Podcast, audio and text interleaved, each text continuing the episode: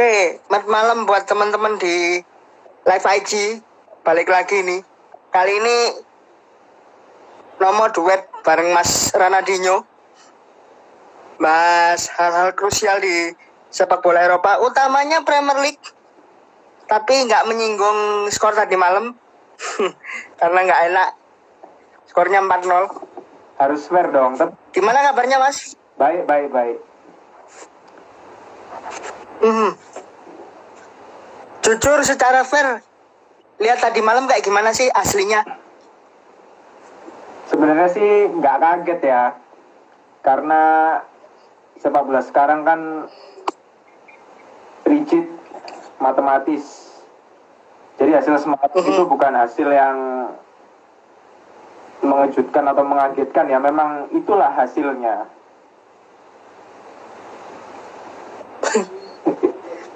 Nggak Soalnya kalau lihat mainnya semalam itu secara organisasi teamwork play-nya kok kayak gitu. Ini nggak biasanya orang ini kayak gini pola mainnya gitu loh.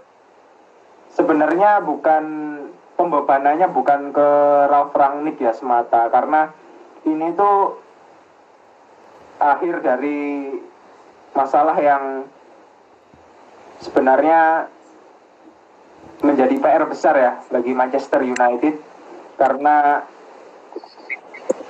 gagal dalam menyesuaikan dinamika sepak bola sekarang ini. Aku pakai terminologi sekarang ini ya, bukan modern atau Mhm. tradisional karena modern atau tradisional itu lebih ditunjukkan ke teknologi menurut aku.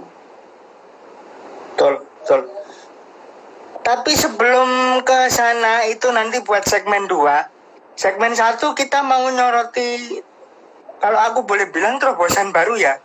Dan jujur harus diakui ini teman-teman hadirnya pemain-pemain muslim di Premier League itu semakin meningkatkan orang untuk minimal tertarik belajar Islam. Karena gini Mas, ini kaitannya masih dalam bulan puasa ya beberapa waktu kemarin itu aku sempat lihat satu artikel yang dikirimin sama salah seorang Liverpoolian dari Bojonegoro, Mas Anugroho Reds itu. Dari BBC itu ada ada diskusi antara Football Association dengan dengan 92 klub di Liga Inggris di 4 divisi tentang bagaimana memperlakukan pemain muslim di Eropa, terutama pada saat Ramadan. Jadi mereka di, dikasih tahu, dikasih semacam workshop begitu teman-teman bahwa puasa itu menahan lapar, haus, ya pada umumnya lah. ya. Lalu di sini ada impact mengenai pengaturan pengaturan jadwalnya, Mas, karena tercatat dari musim ini aja 55 game di bulan Ramadan dan 9 di antaranya itu pas waktu buka gitu waktu buka puasa di Inggris sana jam 8 sampai setengah 9 bukanya. Ini apakah memang sudah seharusnya liga seperti Premier League ini menempatkan pemain muslim di tempat yang semestinya kalau puasa karena ada beberapa liga tertentu yang ya sudah kamu puasa boleh enggak juga nggak apa-apa gitu. Kalau menurut sampean ini achievement untuk muslim player atau atau gimana ini? Pertama sih ini nilai respect ya. Karena kalau kita lihat lihat dari kerangka besarnya nilai-nilai keagamaan bagi orang Eropa sana ya. Saya pakai terminologi orang Barat ya. Itu menjadi ranah privat. Terkadang mereka nggak nggak se-ekspresif kita yang berada di Indonesia ini. Jadi ketika puasa ya mereka puasa gitu. Dan ketika menjalani profesi sebagai seorang olahragawan, ia pasti meminta fatwa ya, fatwa pada ulama setempat atau mufti, mufti setempat mengenai penyesuaian antara bulan Ramadan ini dengan dengan profesinya. Seperti yang kita tahu bahwa eh, Mesut Ozil ya pada saat dulu masih membela Real Madrid sempat kalau nggak salah ya mungkin bisa dikoreksi teman-teman pada saat game dia memilih untuk tidak berpuasa, tapi selebihnya dia tetap menjalani rutinitas puasa dengan semestinya. Tapi juga ada beberapa scene ya, adegan atau pemandangan bahwa ya tetap ketika olahragawan itu seorang atlet sepak bola menjalani puasa, walaupun itu di match day ya atau di game day, dia tetap tetap menyempatkannya untuk berbuka. Dan itu menjadi energi ekstra bagi bagi sang atlet itu sendiri. Karena bisa menjalankan ibadah puasa di tengah-tengah pressure ya. Pressure sebagai seorang olahragawan yang atlet yang dituntut untuk selalu harus memberikan tampilan yang sempurna itu juga Sempurna, betul. membuat mereka eh, termotivasi sendiri. Seperti yang kita tahu eh, Skodran Mustafi itu cukup ekspresif ya di media sosialnya mengekspresikan bahwa dirinya muslim. Karim Benzema itu warga Twitter kalau ngasih tagline Wak Kaji Benzema King Benz betul betul Dan kalau betul. yang- karena ada darah Aljazair juga di situ ya. Dan Aljazair sama seperti seniornya ya Zinedine Yazid Zidane. Kemudian kalau kita tarik ke belakang adalah striker Sevilla, ex striker Spurs, Frederic Kanute, Patrick Omar Kanute betul. Ekspresif. Tapi se sepenget- juga ada apa ya yang katakan udah liberal seperti Samir Nasri yang terpergok Amin satu, Mhm. Amin dua sebelum puasa dia bersama waxnya berada di klub malam. Tapi itu ya ini kalau ngomong lagi ke mereka ya atlet-atlet itu bagaimana memaknai bulan suci Ramadan ini memang ada yang benar-benar seperti ya yang kita tahu sekarang ini ya Mohamed Salah dan Sadio Mane yang mendapat pengakuan dari their trainernya Jurgen Klopp. Saya kagum dengan mereka berdua. Mereka berdua sudah memang tidak tidak mendekatkan diri pada minuman beralkohol. Jadi ketika recovery-nya itu waktunya sangat cepat dan seperti yang di luar perkiraan Jurgen Klopp ya. Mungkin pemain normal eh, satu kali atau dua kali 24 jam tapi Sadio Mane dan Mo Salah, Mohamed Salah ini lebih cepat. Saya juga patut apresiasi ya untuk liga-liga di Eropa terutamanya kemarin ya yang eh, Mainz Augsburg atau Augsburg Mainz ya yang fenomena wasit memberikan yap fast break ya break fasting ya pada salah Mhm. satu pemainnya untuk bisa menunaikan waktu berbuka dan juga nah ya mungkin ini ngomong-ngomong ya? ngomong-ngomong soal Aljazair nih sebelah akhirnya datang Mas Edwin. Oh iya iya. Malam, Namo. Selamat malam, Mas Rana. ya makasih. Malam oh ya sebelum se- sebelum ke Mas Edwin tadi Mas Rana dapat trupas tuh dari Sentot Priambodo. Dapat trupas dari Montero katanya. Tim doa. Ya Mas Edwin masih masih nyambung iya masih nyambung soal materi awal tadi kita bahas football and Ramadan ya di Milan sendiri setauku cuma Benacer sih ada lagi nggak muslim, muslim player yang ada di sana sepanjang Ya. sejarahnya Milan selain Benacer Sepanjang sejarah Milan. Ya ada yang paling legendaris ya Joshua atau Nomo yang sekarang jadi presiden Liberia. Enggak, aku tapi aku aku pengen Mas Mas Rana tadi lanjutin asik yang soal apa? Soal fast breast fasting itu ya. Ya, Untuk untuk yang Ya, itu- tadi. Tadi enggak apa-apa Nomo, enggak perlu di itu mungkin Hmm, maksudnya biar, biar Mas Rana lanjutin. Asik soal datanya.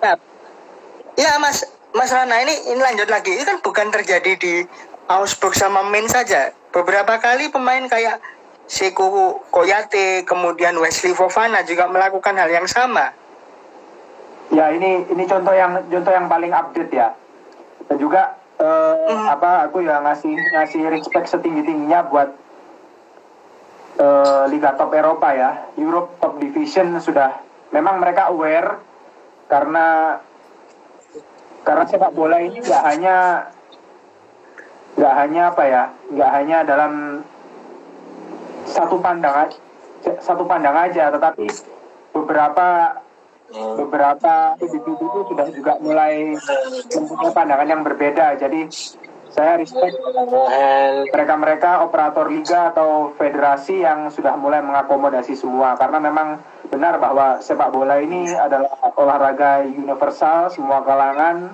Dan jangan lupa memang ini ada sisi sisi apa? Sisi entertainmentnya menghiburnya.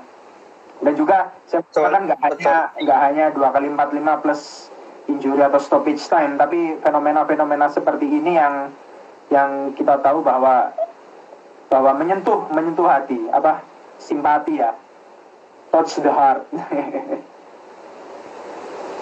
Oke, oke. Ya, dan dan ini sorry ya kalau agak sedikit berlebihan, tapi mungkin bisa ditanggapi sama Mas Rana juga Mas Edwin ya.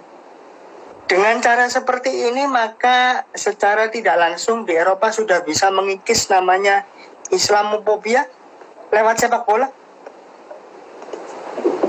Mas Rana dulu mungkin. Aku sih nggak mau kalau uh, nyebutin itu nanti terlalu jauh ya, karena aku juga punya pandangan tersendiri uh, kalau untuk di forum ini aku ngungkapinya sih gimana ya tapi yang jelas sih aku respect juga respect apalagi kan kita kalau kita buka beberapa tahun ke belakang mengenai fenomena naik daunnya Mo Salah ya hingga membuat beberapa warga kota Liverpool kan konvert konversi jadi mualaf gitu loh. Mhm.